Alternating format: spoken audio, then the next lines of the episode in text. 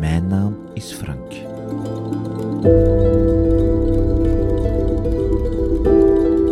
Ik schrijf en vertel verhalen over complottheorieën, schijnwetenschap en desinformatie.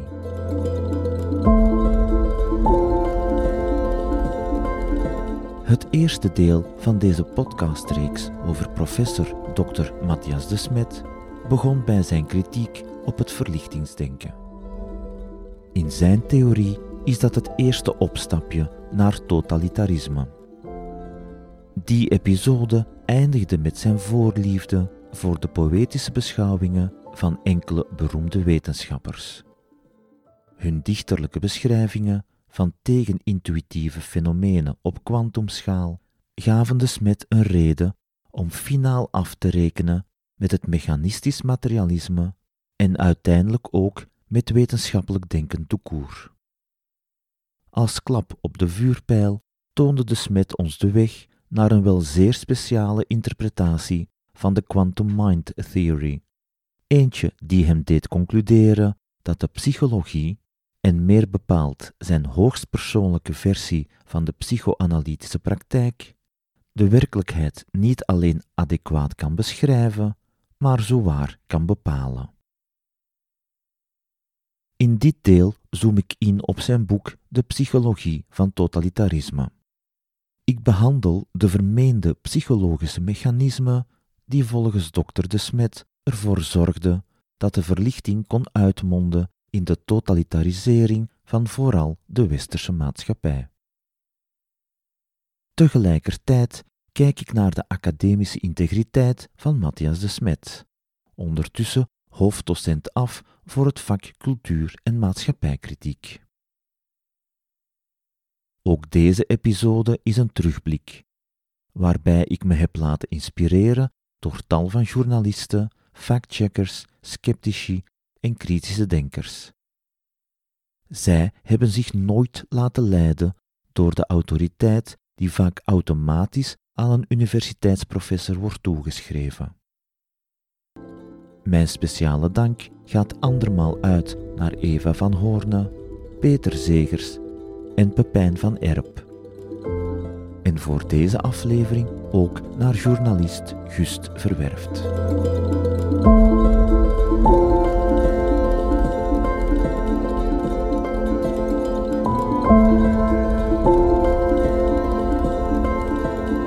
Verfijn je onderwerp op basis van literatuur over dat onderwerp. Verken het terrein. Selecteer. Op basis van je onderzoeksvraag zoek je nu literatuur. Beoordeel de gevonden bronnen. Geef de voorkeur aan recente bronnen en actuele inzichten. Het zijn maar enkele raadgevingen in verband met het schrijven van een wetenschappelijke tekst die ik gevonden heb op de webpagina Onderzoektips van de Universiteit Gent. Het instituut waaraan professor Dr. Matthias de Smet verbonden is. Op een andere UGent-website lees ik dat de Smets boek De Psychologie van Totalitarisme gedurende één academiejaar op de lijst van verplichte literatuur stond. En wel voor het door hem gegeven vak cultuur- en maatschappijkritiek. Maar laat dit u niet denken dat het boek een staalkaart geeft van vormen of methoden van kritiek op cultuur en maatschappij door de decennia of eeuwen heen, die relevant zouden kunnen zijn voor aanstormende psychologen. Of doorheen de jaren 1890 tot de vroege jaren 1950, zoals zijn twee belangrijkste bronnen aanvankelijk lijken te suggereren. De eerste hoofdbron is The Origins of Totalitarianism van de Duits-Amerikaanse Joodse filosofe en politiek denker Hannah Arendt.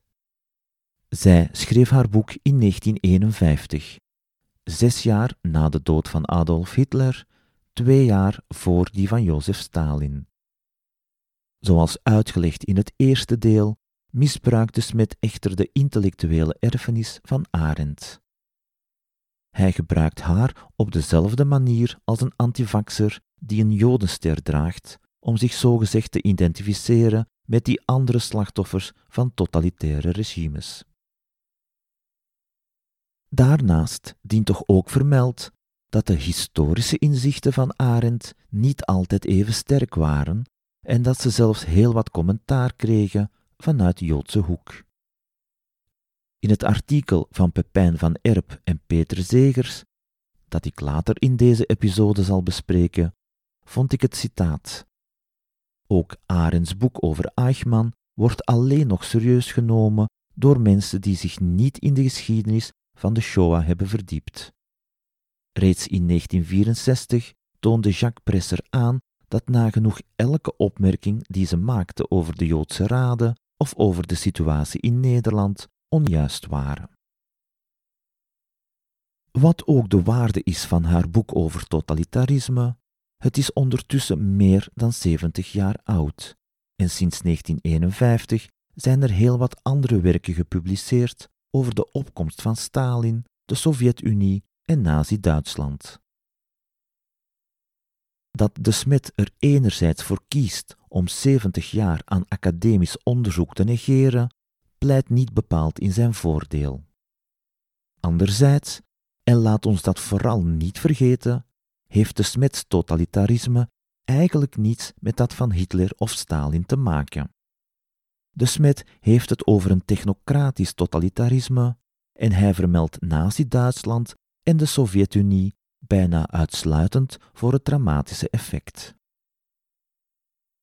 Het andere werk waaruit de Smet al te overvloedig citeert, bevestigt dat de onderzoektype geeft de voorkeur aan recente bronnen en actuele inzichten, volledig aan hem voorbijgaat.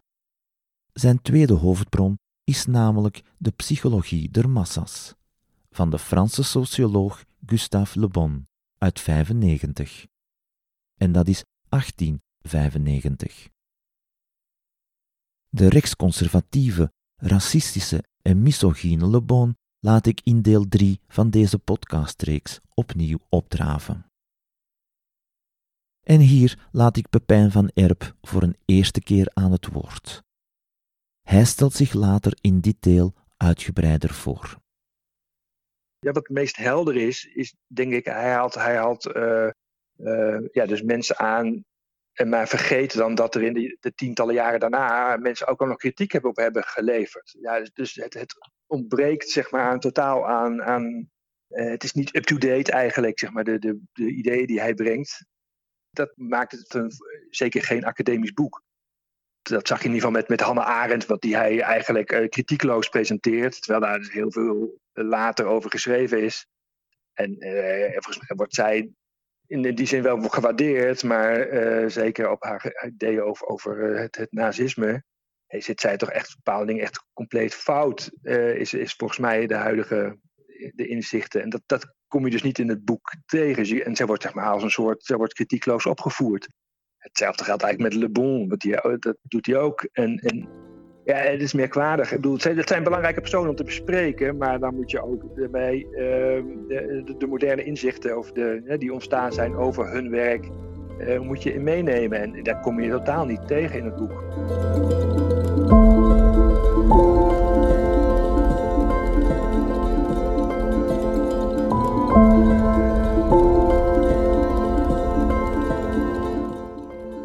Het kernbegrip in de Smets de psychologie van totalitarisme is massavorming. Al vroeg in zijn boek noemt hij die massavorming een ontzagwekkend psychologisch proces. En dat moet ook wel, want uiteindelijk leidt het volgens hem naar totalitarisme à la Hitler en Stalin, met miljoenen doden op hun konto enerzijds, en anderzijds naar de huidige zich totalitariserende technocratische maatschappij, waarvan hij zich dan weer een slachtoffer weet. Maar zo eenvoudig is het nu ook weer niet. Volgens zijn eigen theorie zijn er zowaar verschillende vormen van massavorming. En ik citeer: Massavorming, al dus de smet, is zo oud als de mensheid zelf en er bestaan veel verschillende vormen van. Historische voorbeelden getuigen van die verscheidenheid. De kortstondige massavorming tijdens de Sint-Bartholomeusnacht tegenover de langdurige massavorming van de Franse Revolutie. Einde citaat. De Bartholomeusnacht of de Parijse bloedbruiloft was een moordpartij die plaatsvond in de nacht van 23 op 24 augustus 1572. Men kan deze geweldorgie alleen maar kortstondig noemen als men zonder enig gevoel voor geschiedenis abstractie maakt van het 40 jaar lange bloedige en vooral religieuze conflict in Frankrijk, waarin het kaderde. Het is zo'n beetje hetzelfde als de Kristalnacht, de staatspogrom van 9 op 10 november 1938, loszien of isoleren van de geschiedenis van het nazisme en die van de Holocaust. De smet laat in het midden of al die uiteenlopende vormen van massavorming even ontzagwekkend zijn.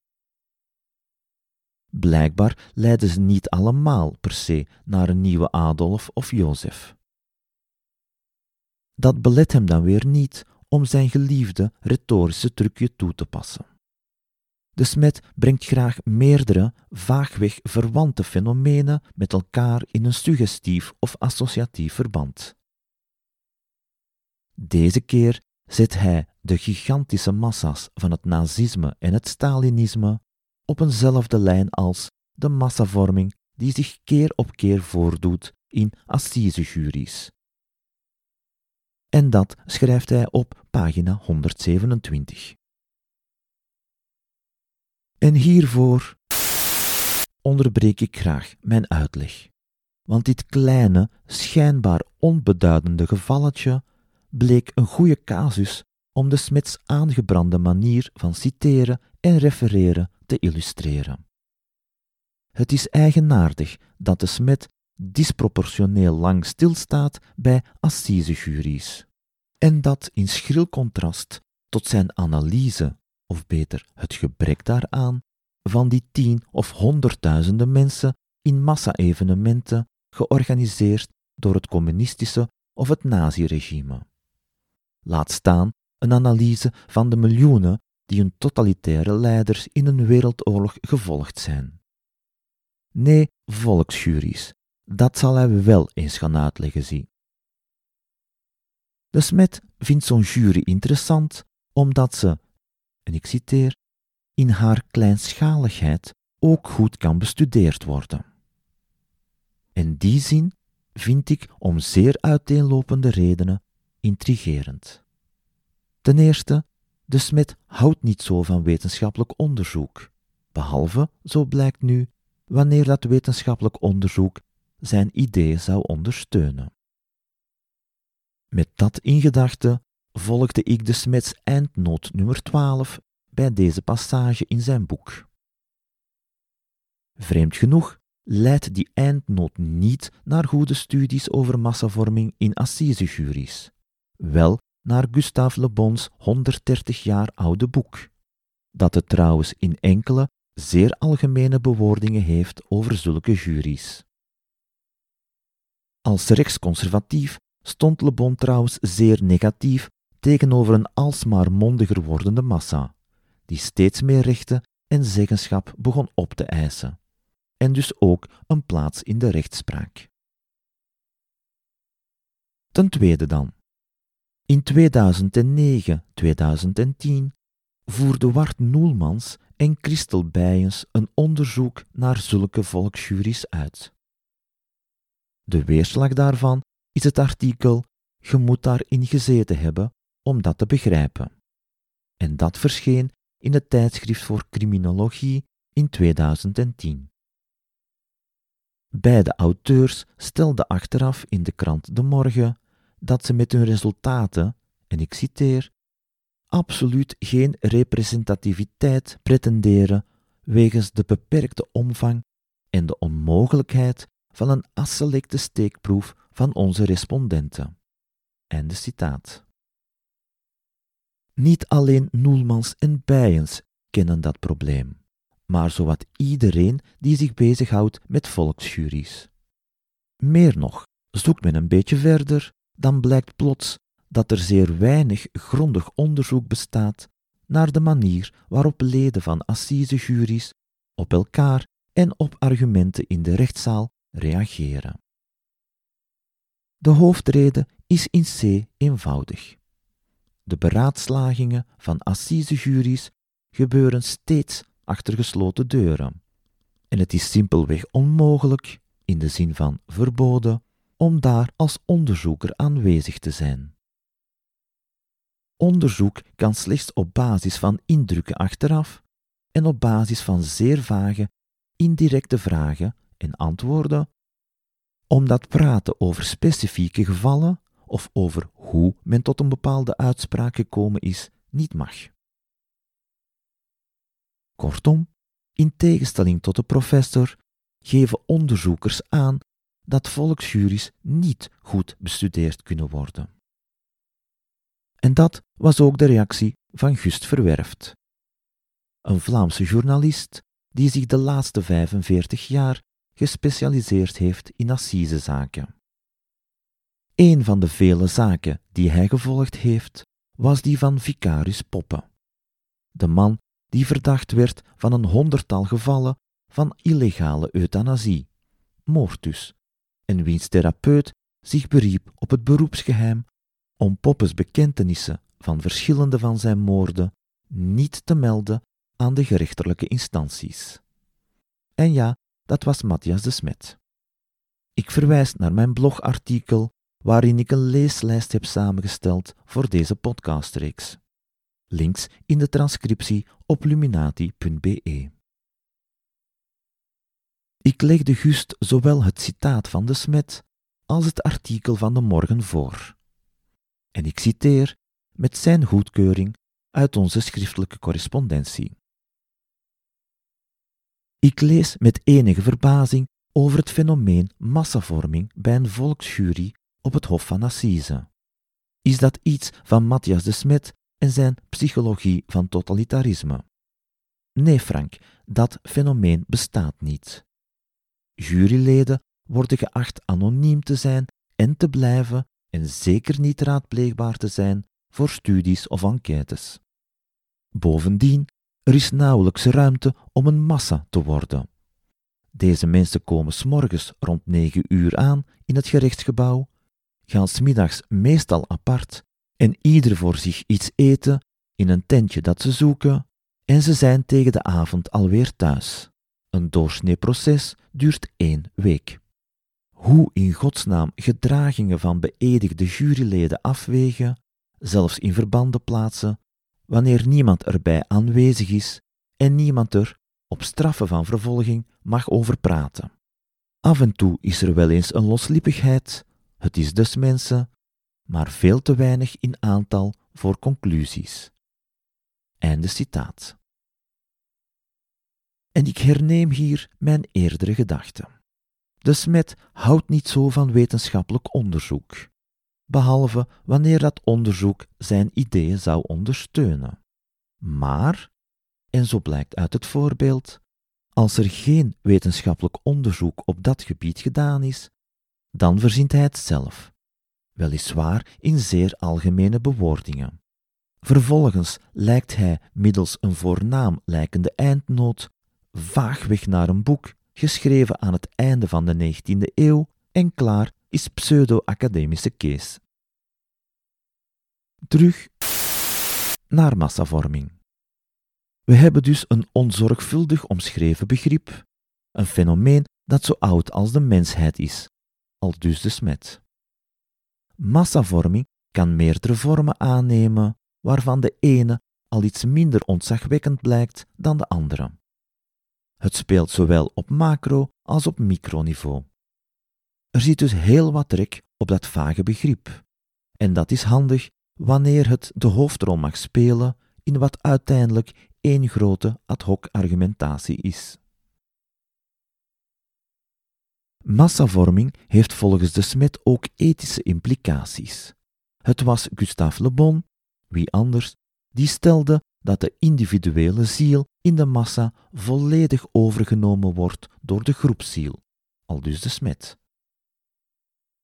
Deze uniformisering, schrijft de smet, gaat gepaard met een quasi-absoluut verlies van het rationele denkvermogen en het vermogen tot kritische afstandname. Ook bij mensen die onder normale omstandigheden uiterst intelligent en tot gefundeerde kritiek in staat zijn, en met een sterke neiging om zich over te geven aan impulsen die onder normale omstandigheden als radicaal onethisch beschouwd worden. Einde citaat. En dat heeft het dan blijkbaar gemeen met het grote verhaal van de verlichting. Dat, en ik citeer, ook de psychologische, symbolische en ethische dimensie van het menselijk wezen totaal miskent. Zo schrijft hij althans in de inleiding van zijn boek. Of massavorming dat ook al in zich had voor de verlichting, daarover is de professor opnieuw niet helemaal duidelijk. Die aanslag op het ethische blijkt massavorming gemeen te hebben met nog veel meer. Met de wetenschap en met het mechanistisch-materialistisch denken, dat, en ik parafraseer, het menselijk wezen in zijn psychische, geestelijke, morele en ethische dimensie naar de achtergrond drukte. Ook met de mechanistische geneeskunde, die ethische en morele complexiteit niet in vraag stelt, omdat ze de oorzaak van ziekte en lijden typisch herleidt tot een mechanische fout in het lichaam of een externe entiteit zoals een bacterie of virus. En dit lijkt wel heel sterk op een adagium van een medische theorie uit een vervlogen tijd, of op een stelling van een recente vorm van alternatieve geneeskundige kwakzalverij. Maar het houdt niet op. Het heeft dat ook zwaar gemeen met totalitarisme. En als ik dat op een rijtje zet, geraak ik in de knop. Massavorming, zeker ouder dan de verlichting, maakt de mens onethisch. Hypnose ook, of soms ook, maar dat bespreek ik later in detail. Verlichting dan? Maakt de mens, die al onethisch was, ook onethisch. En dat leidt dan naar totalitarisme, dat de al zeer onethische mens opnieuw of nog onethischer maakt. Komt daarbij dat volgens de smet dat totalitarisme ervoor zorgt dat de bevolking een merkwaardige vatbaarheid krijgt voor absurde pseudowetenschappelijke indoctrinatie en propaganda, voor het blind volgen van een enge logica die opnieuw over alle ethische grenzen heen gaat. En daarom, schrijft hij, is totalitarisme incompatibel met religie. En dat is een fascinerend zinnetje. Want hier laat de smet uitschijnen dat voor hem religie zo niet de bron van ethiek, dan minstens wel de bewaker van de ethische grenzen is. En ik maak hier, in de context van religie, gemakshalve abstractie van zijn woorden, indoctrinatie en enge logica. Dus nadat hij een theoretisch kluwe heeft gesponnen, waarbij hij de draad meer dan een keer verloren heeft, wordt religie plots het zwaard dat de Gordiaanse of de Smetiaanse ethische knoop zal doorhakken. Dat is een idee waar mensen die zich wel humanist voelen problemen mee kunnen hebben. Heel veel verbeelding vraagt het trouwens niet om hierin een eerste prille poging tot immunisering tegen kritiek te lezen. We moeten de redenering alleen maar even omdraaien. Kritiek op de smetstheorie kan niets anders zijn dan het gevolg van een door massavorming en verlichting aangetast onethisch denkvermogen. In april 2021 reageerde hij op de blamage van het Vlaamse skep, namelijk de sceptische put. Dat is volgens de smet die prijs die elk jaar uitgereikt wordt aan een persoon of instantie wiens discours niet te verenigen is met het enge, biologisch reductionistische wereldbeeld van Skep. Einde citaat. Nochtans werd de prijs aan de smet toegekend omwille van, en ik citeer, zijn talloze en herhaalde uitspraken die ongefundeerd, misleidend of ronduit fout zijn. Einde citaat. En tot zover de smet en zijn ethiek.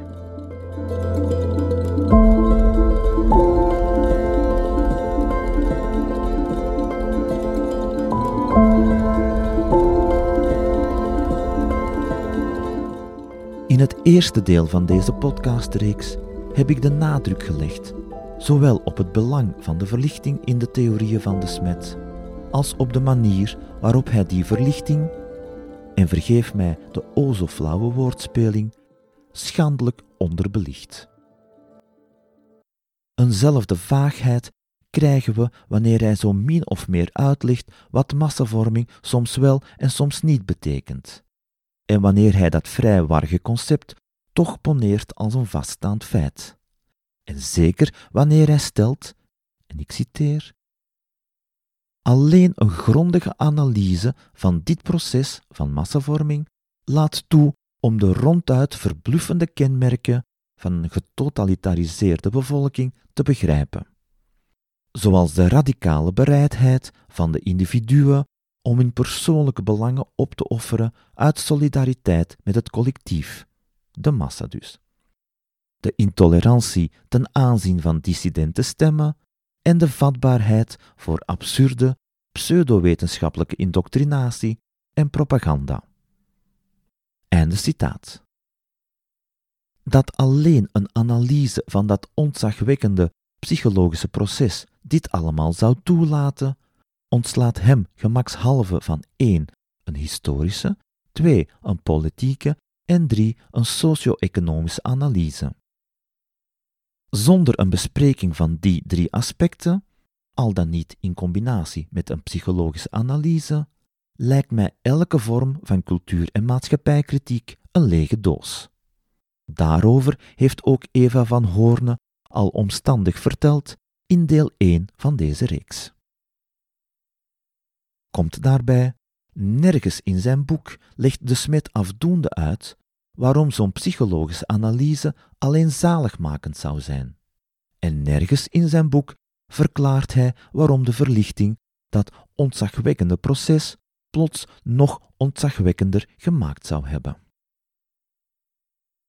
De middeleeuwse massavormingen waren doorgaans lokaal en kortstondig, laat de smet ons weten op pagina 129. En dat moet wel zo zijn, tenminste als we de logica van zijn narratief willen volgen. Het is volgens hem pas na de verlichting en bij het opkomen van het mechanistisch-materialistisch denken dat massavorming zich over een ruim gebied verspreidde en langdurig nefaste effecten sorteerde. De Smet mag dan wel aanvoeren dat de 20e-eeuwse totalitaire regimes van een andere orde zijn dan die van de klassieke dictators. En impliciet dus ook absolute heersers, feodale koningen, kerkvorsten enzovoort. Maar qua indrukwekkende voorbeelden van massavorming à la de Smet moet men hoegenaamd niet wachten tot de verlichting. Als we door de geschiedenisafdeling van de dichtstbijzijnde bibliotheek wandelen, zien we toch wel een ander verhaal dan dat de smet probeert op te hangen. Dan blijken de middeleeuwen plots de periode te zijn van onder meer de Byzantijns-Arabische oorlogen, goed voor 550 jaar strijd op twee continenten. Of van de Spaanse Reconquista, nog zo'n gigantisch politiek-militair project dat een massa neuzen in dezelfde richting moest keren en houden, net geen 800 jaar lang. De honderdjarige oorlog een lokaal evenement noemen, tot daaraan toe. Kortstondig? Wel, iets in de naam doet me twijfelen. Zijn miskarakterisering van de Parijse Bartholomeusnacht en de context van het 40-jarige conflict en de context van het 40-jarige conflict waarin deze nachtelijke geweldorgie zich afspeelde, heb ik reeds vermeld. Een mensenleven later start het pan-Europese akkefietje dat vooral in het huidige Duitsland een ongeziene ravage aanrichtte en dat wij kennen als de Dertigjarige Oorlog. En die Dertigjarige Oorlog is moeilijk los te koppelen van de Tachtigjarige Oorlog, die voor Nederland eindigde met de onafhankelijkheid. En dat zijn stuk voor stuk politiek-militaire conflicten waarbij men heel wat mensen heel wat jaren moest blijven motiveren, waarbij men heel wat massa's moest blijven vormen. Dan is er nog het voorbeeld dat de smet zelf geeft, namelijk de religieuze massa's van de kruistochten. Ik denk dat we er met een gerust hart van kunnen uitgaan dat hij hier naar de negen campagnes, de negen kruistochten verwijst, in de context van de herovering van Jeruzalem op de moslims. Ik tel er verschillende zogenaamde volkskruistochten bij. Een mens kan niet zeker genoeg zijn. Resultaat van mijn rekensom: 225 jaar strijd op drie continenten. 1 tot 9 miljoen doden. Niet mijn idee van lokaal of kortstondig. Een van de vele redenen waarom die kruistochten eindigden, waren de Mongoolse veroveringstochten. Die resulteerden in twee eeuwen strijd, in het grootste rijk dat deze aardbol ooit gekend heeft, en in 37 tot 60 miljoen slachtoffers in Azië en Europa. Volgens de Smet is een van de gevolgen van massavorming het geloof in pseudowetenschap en complotdenken. Ik citeer. In wezen waren befaamde heksenvervolgingen van de middeleeuwen, waarbij in sommige dorpen en steden nauwelijks een vrouw levend werd gelaten, daar voorbeelden van. Einde citaat. Er is geen enkele manier om die vervolgingen over heel Europa en Noord-Amerika te minimaliseren. Conservatieve schattingen gaan uit van 30.000 slachtoffers. Sommige onderzoekers vermelden 60.000 doden. De meeste daarvan vrouwen. Wat de smet eigenaardig genoeg niet aanhaalt, is dat de laatste grote golf van zulke heksenvervolgingen uitdoofde rond het midden van de 18e eeuw. En dat is de periode die in de geschiedenisboekjes al wel eens de verlichting wordt genoemd. De smet mag dan stellen dat de intensifiering van het fenomeen van massavorming na de verlichting een logisch uitvloeisel van de effecten van de rationalisering en de mechanisering van de wereld was. Maar in plaats van dit hard te maken, stelt hij zichzelf tevreden om als een volleerde revisionist de massavormingen in pre-verlichtingstijden te minimaliseren of verkeerd voor te stellen. Als ik kijk welke historische voorbeelden de Smet aanhaalt, en vooral niet aanhaalt in zijn boek, dan bekruipt mij het gevoel dat, ten eerste, dat proces van massavorming voor en na de verlichting in C even desastreus was. Maar ten tweede, dat hij de ontzagwekkende massavorming in postverlichtingstijden verward met de ontzagwekkende gevolgen van de 20e eeuwse totalitaire regimes die hij beschrijft. Het mogen vanzelf spreken dat ik de methodiek, de uitvoering en de omvang van de verschrikkingen en vreedheden van Nazi-Duitsland of de Sovjet-Unie niet wil minimaliseren. Maar dat waren de gevolgen nadat deze regimes aan de macht kwamen. En net als de maatschappij in haar geheel, waren ook de controlerende en moorddadige middelen van die regimes gemechaniseerd. Mocht ik er nu op wijzen dat, qua de Smetiaanse massavorming, het nazi-Duitsland van Hitler het maar twaalf jaar heeft uitgehouden, of 21 als we heel ruim tellen vanaf Mein Kampf, dat de hoofdjes en de hartjes klaarstoomde voor het groter werk, en dat de Sovjet-Unie als staat zelfs geen 70 kaarsjes kon uitblazen, dan ben ik even kortzichtig en tendentieus als de smet. En dan mist ik net als hem het belang van de tal van politieke, socio-economische en historische factoren. Voor mijn laatste voorbeeld in deze categorie heb ik me laten inspireren door een oude e-mail van SCEP-voorzitter Witse Wiels, dokter en neurowetenschapper in opleiding. Tijdens de coronacrisis en vooral naar aanleiding van de protesten tegen de toenmalige maatregelen, waarin trouwens de smet een belangrijke rol speelde, stuurde hij me een e-book toe, namelijk Ordonnantie en de reglement om te beletten de voortgang der contagieuze ziekte, gedrukt te Brussel in 1668. En we zitten hiermee in de zoveelste uitbraak van de pest die door Europa raasde. Het is een van de vele drukwerken die uitleggen welke gezondheidsmaatregelen men trof in de periode voor de verlichting. Om dit te illustreren geef ik een citaat uit het artikel van Thomas van Gulik, Isolatie en afstand houden in tijden van pest.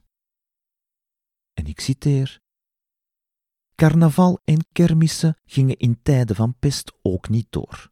De stadsbesturen en overheid stelden alles in het werk om de verspreiding van de ziekte tegen te gaan.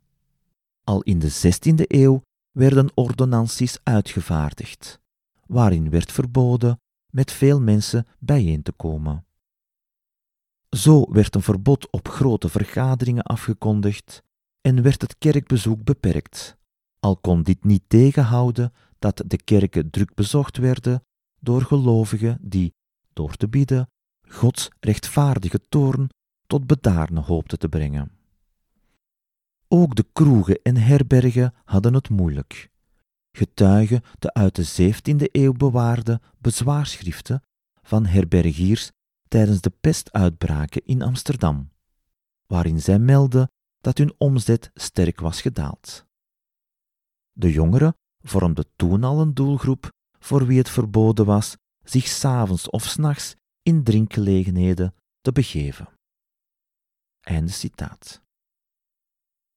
In die periode was de wetenschappelijk-medische praktijk geen gevolg van mechanistisch-materialistisch denken. Geen gevolg van dat nefaste verlichtingsdenken. Van het vermaledijde biologisch reductionisme, waar de smet zo erg op gebrand is, was nog geen sprake. Toenmalige dokters hadden zelfs geen weet van ziekmakende microben, virussen of bacteriën. En toch herkennen wij die getroffen maatregelen, de gevolgen daarvan en de reacties erop maar al te goed.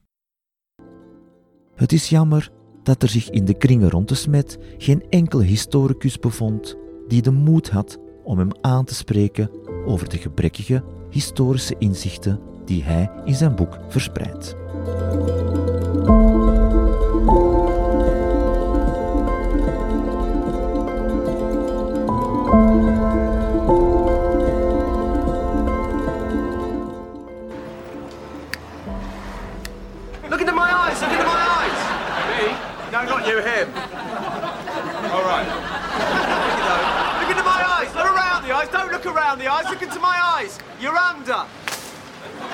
I never done it.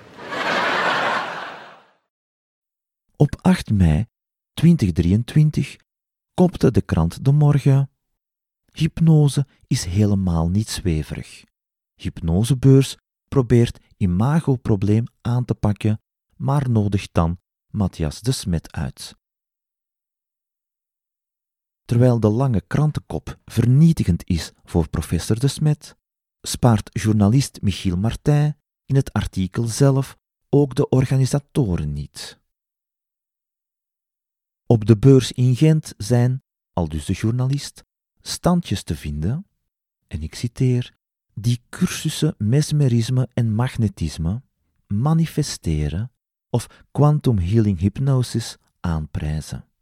Bij die laatste therapievorm krijg je toegang tot de kennis die je in andere levens hebt opgebouwd en valt die kennis te downloaden. Einde citaat. Mesmerisme, quantum healing, kennis uit vorige levens downloaden. Mij lijken deze overduidelijke vormen van pseudowetenschap en kwakzalverij niet de beste manieren om een imagoprobleem aan te pakken. Maar ze maken van die beurs wel het soort evenement waarop de smet present geeft. En dat in tegenstelling tot bijeenkomsten van een meer academische aard. Eerder dit jaar gaf de smet eveneens een praatje tijdens een spiritueel festival in Deinze. Tussen de handpalmlezers, astrologen, aurafotografen, kaartleggers en mensen die u tegen betaling aanleren om u druk te maken in niet bestaande chakras. Dat festival werd georganiseerd door Bloem, het vroegere Para Astro. En dat is zowel de Vlaamse monopoliehouder van dat soort evenementen als de uitbater van onder meer een betalende astrolijn. Tijdens de coronacrisis pleegde academicus De Smet enkele artikelen voor het magazine van deze belangrijke promotor van pseudowetenschap en kwakzalverij. De Smet maakte van hypnose een centrale metafoor voor massavorming. Of een vergelijking ermee. Op een andere pagina in zijn boek vond hij dan weer dat ze in wezen hetzelfde zijn. Andermaal lijkt de Smet maar niet te kunnen beslissen. Hoe dan ook, voor hem is massavorming onder meer, en ik citeer, in wezen een vorm van groepshypnose, die individuen van elk vermogen tot kritische afstandname en ethisch besef berooft. Dit proces heeft een sluipend karakter, een bevolking valt er argeloos aan ten prooi. Einde citaat. Maar er zijn wel verschillen met hypnose. In tegenstelling tot de hypnotiseur in een normale context, is de menner van het totalitariserende volk zelf ook gehypnotiseerd, in de ban van zijn eigen narratief. De reden is duidelijk, al dus de smet. Degene die de massa leidt, gelooft meestal fanatiek in de ideologische basis van het verhaal dat de massa beheerst. Tja, dat zal wel, maar op geen enkele manier weet de professor deze claim hard te maken. Om zijn dramatische ideeën te onderbouwen, verwijst de Smit opnieuw naar Gustave Le Bon, die ook aangaf dat, en ik citeer, het effect van massavorming identiek is aan dat van hypnose. En dat is een citaat uit het boek van de Smet. Zelf beschrijft de Smet de overeenkomst tussen hypnose en massavorming als volgt. How do you how do you break people out of that?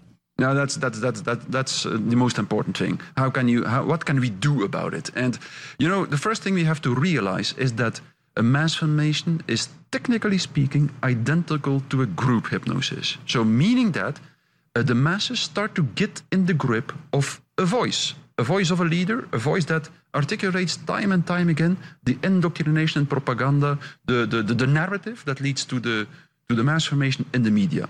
In a, in a, in a hypnotic state, in a hypnotic procedure, exactly the same happens.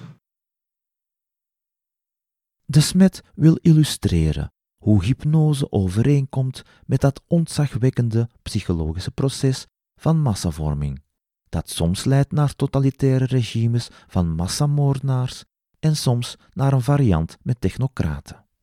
En daarvoor moet de smet wel met de strafst denkbare vormen en voorbeelden van hypnose over de brug komen. Maar opnieuw loopt hij verloren. Niet zozeer in een wereld van vergelijkingen en metaforen, wel in een wereld van de platst denkbare clichés over hypnose en van uiterst doorzichtige onwaarheden. In zijn boek schreef de Smet al enigszins overdreven dat men met een eenvoudige hypnotische procedure patiënten kan verdoven, zodat men probleemloos insnijdingen kan maken. Ik vind nergens een geloofwaardige bevestiging van deze claim. Ook niet in het 88 pagina lange rapport van de Hoge Gezondheidsraad met de titel Hypnose onder welke omstandigheden van 2020. Dat rapport geeft nogthans zeer veel en zeer diverse voorbeelden van aantoonbaar succesvol gebruik van hypnose in de medische zorg. Maar misschien heb ik erover gelezen. In het ondertussen beruchte interview van september 2020 met de Amerikaanse handelaar in complottheorieën Alex Jones kon professor De Smet niet weerstaan om van een onwaarschijnlijke claim een nog onwaarschijnlijkere claim te maken. En dat is een eigenschap waar, in mijn ervaring, heel wat verzinners van onzin mee worstelen.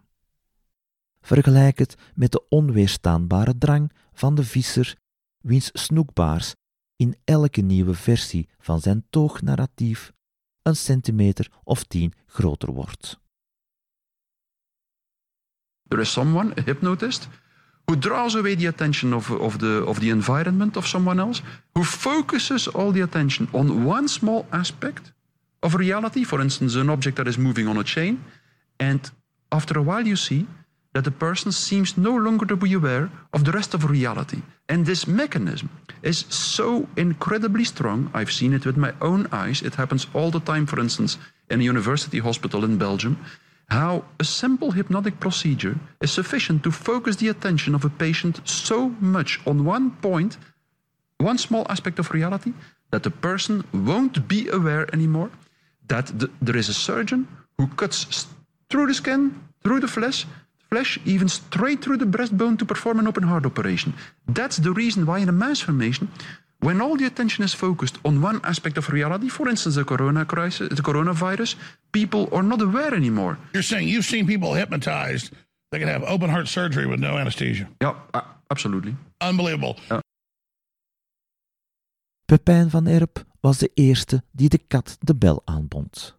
Op 3 september 2020 tweette hij: De Smet beweert ook dat hij met eigen ogen in Belgische universiteitsziekenhuizen open hartoperaties heeft zien uitvoeren onder hypnose zonder anesthesie. Voor één keer ben ik het eens met Jones. Unbelievable. Toen, was, toen ging opeens een boektour in, in de Verenigde Staten en toen kwam ik dus bij uh, Alex Jones. En ik denk dat dat het eerste moment was dat ik dacht: oh, laat ik eens even kijken hoe dat gaat. Want wat, ja, Alex Jones is natuurlijk toch al zo'n bekende complotdenker en een idioot figuur.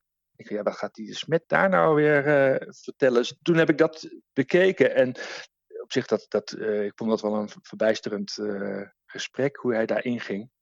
En eigenlijk toevallig, ik, ik had daar wat commentaar op Twitter op geleverd en toevallig pikte ik er één stukje onder andere uit op zijn commentaar op, over de open hartoperaties onder hypnose, waar hij bij zich geweest zou zijn. Dat merkte ik op, omdat dat wel echt een heel absurd verhaal zou zijn dat het eigenlijk helemaal niet kan. En blijkbaar werd dat werd vrij snel opgepikt als een soort. Uh, om hem mee aan te vallen, ook in België. Dat, dat, tot mijn verbazing werd er in dat weekend. werd dat opeens het, het item waarmee eh, de smet ja, aan de schandpaal werd genageld. En ik vond eigenlijk dat, dat het verhaal wat hij vertelde. en dat hij zo bij Alex Jones ging zitten. dat vond ik eigenlijk verbijsterender dan, dan die ene uitspraak. Ik kan me volledig vinden in de uitleg van Pepijn. Niet zijn leugen is nieuwswaardig, wel het feit dat hij op de schoot gaat zitten van een veroordeelde extremist en opruier als Alex Jones. Ik kom in het derde deel van deze podcastreeks zeker terug op de Smets verbondenheid en verwantschap met extreemrechtse figuren en alt-right, semi-professionele complotbedenkers. Nog twee merkwaardige punten voor ik dit stuk over de smets massavorming en hypnose afsluit. VRT-journalist Tim Verheijen citeerde Pepijn in zijn artikel Rector UGent distancieert zich van uitspraken Gentse prof bij Amerikaanse complotbedenker Alex Jones van 5 september 2020. Ik citeer: Het is vrij duidelijk geworden dat de Smet dit verhaal heeft opgepimpt. Hypnose wordt soms gebruikt als aanvulling op plaatselijke verdoving, maar niet voor een open hartoperatie, zegt Pepijn van Erp op Twitter. Einde citaat. Nu, hoe los je die discussie op? Gewoon even dokter Elisabeth Feymonville bellen. Zij is het diensthoofd pijnbestrijding van het Universitair Ziekenhuis van Luik en voert heel wat chirurgische ingrepen uit met hypnosedatie. En hypnosedatie, dat is een combinatie van hypnose en een zo laag mogelijke dosis pijnstillers of lokale verdoving. Hierdoor blijven de negatieve effecten van algemene verdoving uit. Tijdens zulke ingrepen staat trouwens steeds een anesthesist klaar om in te grijpen indien nodig. Zo lees ik althans in een artikel van de morgen uit 2014. En ja, dat bleef maar een beetje doorgaan. En uiteindelijk heb ik, heb ik uh, samen met, met, met Peter Zegers contact gezocht met, met eigenlijk de, de, de expert in België, die hij in oorspronkelijk ook aanhaalt, de dokter Femonville. En die heb ik uiteindelijk gebeld en zei van. Uh, maar goed, zij, legt eigenlijk heel duidelijk uit dat, uh, dat wat, hoe de smet daar tegenaan kijkt, dat dat van fysiek helemaal niet kan. En dat was eigenlijk vrij duidelijk. De smet werd in het nauw gedreven en aanvankelijk probeerde hij zijn claim af te zwakken. De professor was geen ooggetuige geweest bij zo'n ingreep, zo luidde het plots. Hij had wel een reportage van zo'n operatie gezien, met zijn eigen ogen zowaar. Of misschien ook niet. Uiteindelijk gaf de smet dan toch toe dat hij niet de waarheid had gesproken en verontschuldigde hij zich. Ik baseer me voor dit laatste op het artikel van Tim Verheijen. Een half jaar had de smid en een verder onbekende acolyte nodig om te stellen dat wij het allemaal toch wel een beetje verkeerd begrepen hadden. Ik citeer: Het was voor de welwillende toehoorder niet moeilijk om te begrijpen dat de smid daar in een wat hyperbolische stijl sprak over operaties die hij op video had gezien, of althans meende op video gezien te hebben. Einde van een toch wel merkwaardig citaat. Plots was een onwaarheid, waarvoor de smid zich al verontschuldigd had, een uitspraak in een wat hyperbolische stijl geworden, over iets dat hij al dan niet meende gezien te hebben. Als dit gevalletje van Orwelliaanse newspeak een voorbeeld van de smets vrijmoedig waarheidspreken moet voorstellen, waarvoor hij vierdaagse groepsessies aanbiedt a rato van 750 euro per persoon, als dit uiterst doorzichtig en flauw excuus zijn remedie moet voorstellen tegen een zich totalitariserende maatschappij, dan mag hij alvast mijn portie aan de kat geven. Voor een grondige analyse van de Smits ongefundeerde uitleg in hetzelfde stuk over hoe hypnose uit de operatiezaal zou geweerd zijn door de jaren heen, verwijs ik u graag naar de zeer interessante reactie met de titel Tijd voor nog maar eens een stroopop. Psychoanalyticus Wouter Mareels maakt daarin gehakt van de fake geschiedenis van de medische hypnose door de smet en volgeling. Conclusie van Pepijn van Erp, bij wat de smet uiteindelijk weglachte en probeerde af te schilderen als een storm in een glas water. Maar ik begreep dus pas later pas waarom het zo'n zo'n uh, heikel punt voor hem is. omdat het, ja, eigenlijk kan hij dus niet volhouden dat hypnose zo, zo sterk is als hij het wil doen voorkomen. En als hij het dan precies koppelt, eigenlijk gelijkstelt aan die massavorming, dan is er logischerwijze, kan hij ook niet volhouden dat die massavorming zo sterk is. En ja, dan, dan, dan is er een belangrijke pijler onder zijn verhaal, is toch wel daarmee uh, weggenomen. Dus, ja, dus ik, die, toen ik het, dat bij mij doordrong, snapte ik wel iets beter waarom hij de, zo op aan, die hypnose uh, hangt. In een stuk dat door de slechte connectie verhakkeld werd, vertelt Pepijn nog dat het ontkrachten van dit verhaal waarschijnlijk aangevoeld werd als een domino-steentje dat onderuit wordt gehaald. Ik had gezegd nog twee merkwaardige punten. Wel, dit was het eerste. Het tweede dan. Ondanks de dramatiek rond de open hartoperaties en de smets heroïsch gespartel, ben ik meer een fan van de kleine lompigheden. Michiel Martin, de eerder genoemde journalist, schreef dat een aanwezige hypnotiseur hem niet veranderde in een kakelende kip. Het leek een flauwe grap, maar het bevatte wel een terecht punt. Namelijk dat de hypnosebeurs nu net dat soort stereotypen wilde bestrijden. Eén probleem, en het zal u maar overkomen. De beurs nodigde daarop een professor uit die dat soort stereotype ideeën over hypnose blijft verspreiden. Want met die kakelende kip arriveren we in de wereld van de zogenaamde theaterhypnose, stage hypnosis in het Engels. Dat is een traditie die al eeuwen meegaat en die wij kennen van schimmige figuren à la Rasti Rostelli. Het is genoegzaam bekend dat theaterhypnose op zich weinig tot niets met hypnose te maken heeft. Het is een vorm van entertainment die wel voorgesteld wordt als hypnose, maar die voor het overgrote deel berust op de selectie van enthousiastelingen uit het publiek. De entertainer kiest deelnemers die in ruime mate bereid lijken om mee te spelen in de act en om te voldoen aan de verwachte clichés en platitudes van zo'n show. Voeg daarbij enkele reeksen van dubbele boodschappen aan de deelnemers enerzijds en aan het publiek anderzijds, en het feit dat mensen die niet zo uitbundig meespelen, zeer snel naar hun plaats teruggestuurd worden. Niet zo voor de smet. In zijn boek De psychologie van totalitarisme schrijft hij onder meer, en ik citeer: Het is genoegzaam bekend dat men mensen onder hypnose weliswaar dingen kan laten doen waar ze bij normaal bewustzijn pijnlijk beschaamd voor zouden zijn, zoals zich ontkleden, ridicule danspasjes uitvoeren enzovoort.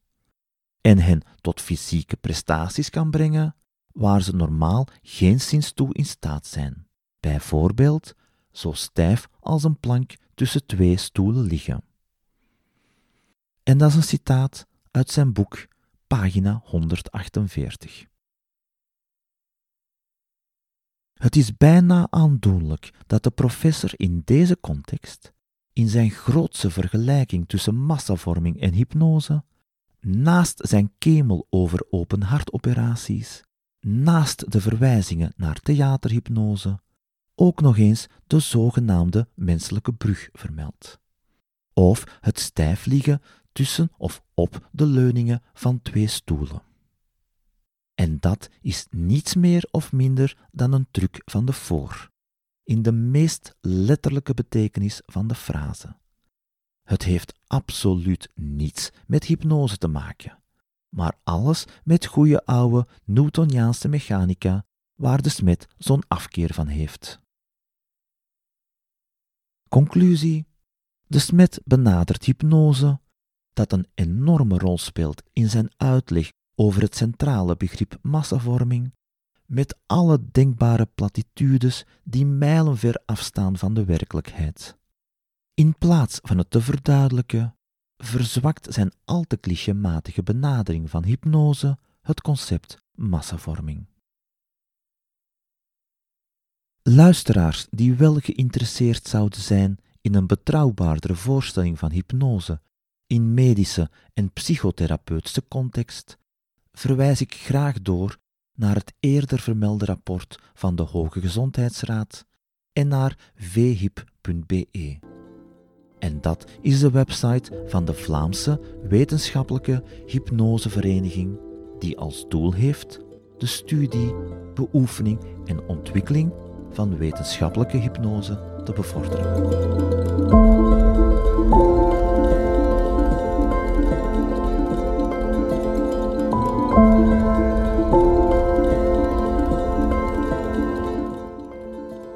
Critici uit zeer verschillende hoeken hebben erop gewezen dat de smets omgang met het gebruikte bronnenmateriaal, citaten en referenties aan de rekbare en twijfelachtige kant is, om het beleefd uit te drukken. Onder hen Pepijn van Erp. Uh, ja, mijn naam is uh, Pepijn van Erp. Uh, ik ben ja, binnen Nederlands, denk ik, een van de meest actief sceptici, zeg maar, meest bekend ook, omdat ik in het bestuur zit van Stichting Skepsis, al best al een jaar of tien. En ik ben daar ook, zeg maar, van daaruit wel het meest actief op, op social media. En, en sinds, zeker sinds het begin van de corona-periode kregen we het, uh, kreeg ik het zeg maar druk, omdat er allerlei complottheorieën natuurlijk naar voren kwamen. En complottheorieën waren al een beetje mijn eigen aandachtsgebied. Ik vroeg Pepijn, net als Eva van Hoorne in deel 1, in welke mate hij zich kan vinden in de theorieën en ideeën van Matthias de Smet. Nou, niet veel, misschien niet, niet, niet dingen die hij als, als zeg maar, echt naar voren brengt. Ik van, hey, dit, dat, die hij echt als nieuw naar voren brengt. Ik van, want ja, wat zijn belangrijkste punten zijn is inderdaad toch ja, het idee over die massavorming en het idee over dat uh, het materialisme de, doorslaat en dat, dat mensen weer terug moeten naar uh, ja, meer, meer, meer een intuïtieve manier van met de werkelijkheid beschouwen, ja, daar, daar heb ik echt helemaal niks mee. dus in, in die zin voel ik daar niks voor. Eh, maar goed, hij houdt natuurlijk een paar punten die hij in zijn betoog naar, naar, naar, naar voren brengt. Zoiets als dat, dat er in de wetenschap best veel mis is. Of, nou, hangt bijvoorbeeld aan dat, dat in de, in de wetenschap dat er bij gebrek aan replicatie, dat er heel veel onderzoek, wat, ja, wat een beetje als feit wordt weergegeven, dat dat helemaal niet zo zeker is. Ja, dat, dat klopt wel gewoon, maar de manier waarop hij het zeggen brengt, slaat weer helemaal door. Hij, hij pakt een hele hoop punten aan die, die, die mij wel bekend zijn. Over, over chaostheorie, ja, dat is best wel wat bekend. Maar de manier waarop hij daarmee aan de gang gaat, daar heb ik, ja, elke keer denk ik van, of, je, of hij heeft het niet begrepen, of hij gaat hij speelt er een spelletje mee. En, nee, dus ik heb, daar, ik heb daar bijna bij al die dingen heb ik daar uh, problemen mee. Samen met de Nederlandse scepticus Peter Zegers checkte Pepijn vooral het bronnenmateriaal. Want daarmee leek niet alles even kosher te zijn. Pepijn vervolgt hier zijn verhaal na de tweet over de openhartoperatie ik kreeg natuurlijk ook commentaar van mensen van, uh, ja, je, je valt de smet nu hier wel op aan, maar wat, uh, je moet naar zijn grote verhaal kijken. En toen dacht ik, ja, ja, dat klopte eigenlijk wel, want ik heb zijn boek niet gelezen. Laten we daar eens naar kijken. En toen ben ik met Peter Zegers, dat, die had zijn boek te pakken gekregen, zijn we in eerste instantie gewoon onderling via Twitter, via direct messages hebben toverde hij, zeg maar, hij kwam af verbazingwekkende citaten, of in ieder geval delen tegen, die hij aan mij voorlegde. Ja, dat, waarvan we dachten, nou, dat klopt niet. En toen zijn we wat structureler gaan kijken. En toen hebben we het dus op ons genomen om dat hele boek maar gewoon eh, te gaan, gaan factchecken. En nou, in eerste instantie is dat ook omdat het wel, wel aardig puzzelwerk is. Want aan de ene kant geeft hij dus wel een hele hoop bronnen. Maar ja, als je dan gaat kijken en die bronnen zelf probeert te, te vinden, soms is dat niet zo, zo heel makkelijk dan blijkt dat hij daar uh, toch een hele rare draai vaak aangeeft. Dus op, ja, op, op, een gegeven moment ontstaat er zoiets van, nou, hier gaat hij ook alweer, hier doet hij ook weer eens raars mee. Laten we het dan maar toch maar eens even heel systematisch opschrijven. Maar het werd, het werd intussen al zoveel dat we ook een beetje moesten gaan nadenken over de vorm. Resultaat. Het artikel Hoe Galileo's metingen tot de gaskamer leiden ofwel de stuitende slordigheden van Matthias de Smet. Dat verscheen op de blogwebsite kloptdatwel.nl en die is verbonden aan de Nederlandse stichting Skepsis. Het is een lang stuk geworden. Zegers schreef de inleiding en die wordt gevolgd door een index. In het eigenlijke stuk leggen Pepijn en Peter hoofdstuk per hoofdstuk de grootste kemels en manco's bloot. Die zogenaamde uitschieter bij Jones bleek dus geen zeldzame slordigheid van de smet te zijn. Ik ga in deze episode het vele en harde werk van Pepijn en Peter niet dunnetjes overdoen. nog kaalplukken. Het artikel heeft me al geholpen met de commentaar op de Smets herinterpretatie van Heisenbergs onzekerheidsrelatie en met het geval Erich Veugelin. Beide heb ik in het eerste deel van deze reeks aangehaald. Hoewel ik mij ervan bewust ben dat het probleem met de manier waarop de Smet citeert niet alleen een kwestie is van kwaliteit, maar zeer zeker ook van kwantiteit, wil ik hier toch bij wijze van afsluiter een top 3 presenteren. Voorbeeld nummer 1. De Smet vermeldt op pagina 81 van zijn boek een studie die vond dat het aantal miskramen bij gevaccineerde zwangere vrouwen acht keer hoger is dan normaal. Blijkbaar vindt de Smet niet gevaccineerd normaal, maar zwart. Dit citaat zit trouwens ingebed in enkele zeer suggestieve vragen. Pepijn en Peter dan. Ik citeer. Met name het aanhalen van de studie waaruit een sterke correlatie tussen miskramen en vaccinatie zou blijken, toont aan dat de smet hier bewust een vuil spelletje speelt. Het kan hem immers niet ontgaan zijn dat er veel ophef was over deze studie, in een journal met een uitgesproken antivax-agenda, waarin de onderzoekers een enorme denkfout maakten. Die was zo duidelijk dat ze er zelf voor zouden gaan zorgen dat die studie ingetrokken werd. Einde citaat. Verder noemen beide sceptici dat fragment een gevalletje van jacking off, het zogenaamde gewoon maar vragen stellen, waarbij de zogenaamde vragen geladen zijn en de bedoeling hebben om een tendentieuze agenda niet al te best te verbergen. Ook de website tegenwindmolen.be maakte soortgelijke bedenkingen.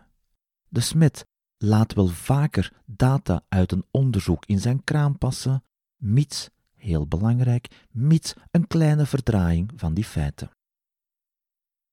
Voorbeeld 2. De zogenaamde overeenstemmingsexperimenten van Ash zijn een klassieker in het genre.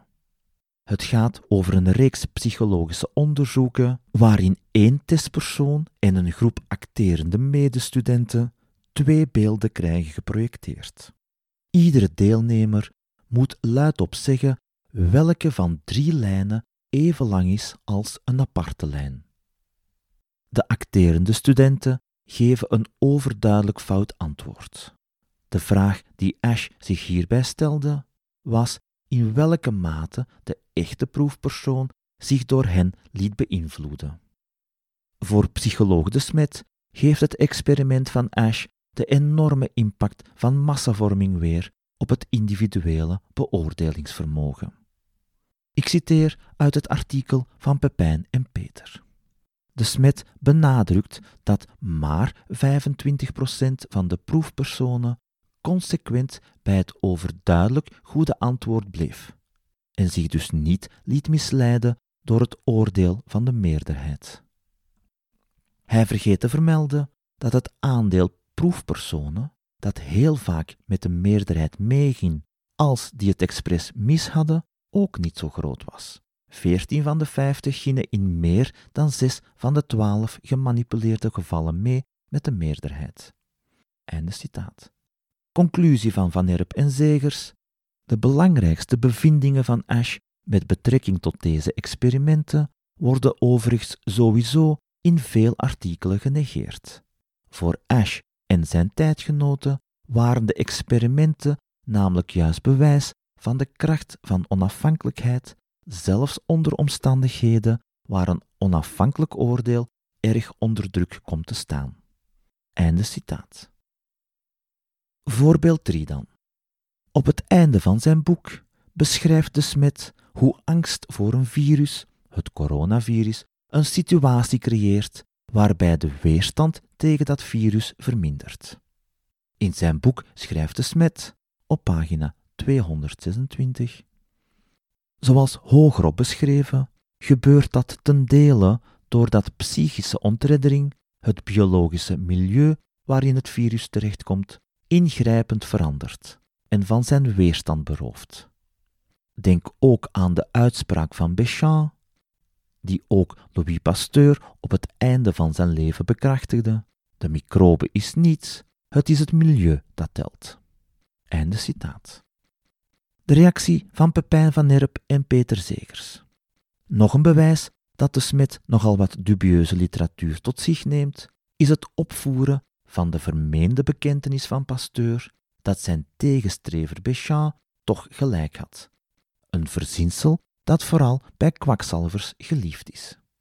Einde citaat. Inderdaad een aanwijzing dat de smet enige voorliefde lijkt te hebben voor zeer twijfelachtige Franse figuren van rond de vorige eeuwwisseling. Béchamp was een arts die de zogenaamde terreintheorie aanhing. Hij stelde de mens zou zelf ziekmakende bacteriën en virussen produceren en de groei ervan bevorderen. Hij was dus ook een tijdgenoot van Louis Pasteur, wiens theorie van de ziekteverwekker of microbetheorie een van de belangrijkste ontdekkingen in de medische geschiedenis is. En ja, ik citeer hier luiweg uit Wikipedia.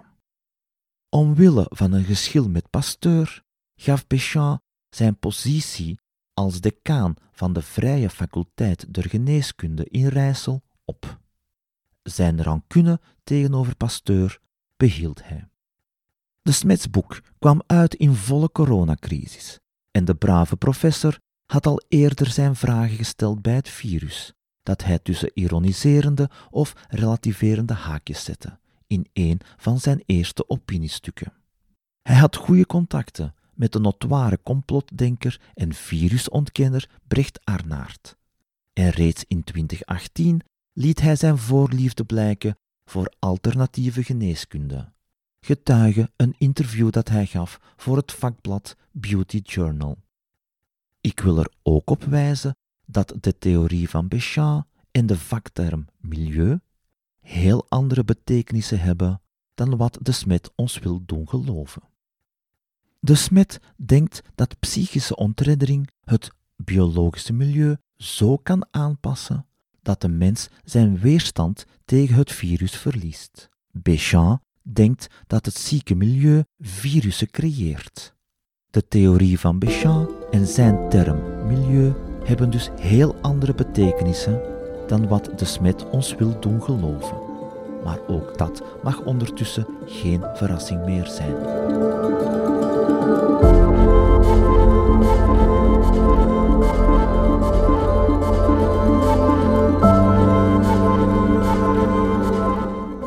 Bedankt voor het luisteren. Ik heb een lijst met boeken, artikelen en een selectie van pod- en podcasts ondergebracht in een apart blogartikel. Met de weinig geïnspireerde titel Leeslijst bij de podcastreeks over Matthias de Smet. De link vindt u op luminati.be. Mijn naam is Frank. Schijnwetenschap en complottheorieën, dat zijn mijn onderwerpen. En die benader ik kritisch. Zo beeld ik mij toch in. Voor zover ik weet, is er geen enkele organisatie, VZW, broederschap, grootloge, religieuze orde, geheime dienst, nestreptielmensen of wat dan ook, die wil dat ik in hun naam schrijf of praat. Ik ben er zeker van dat mijn uitleg voor verbetering vatbaar is en ik sta dan ook open voor correcties en aanvullingen. U weet mij te vinden.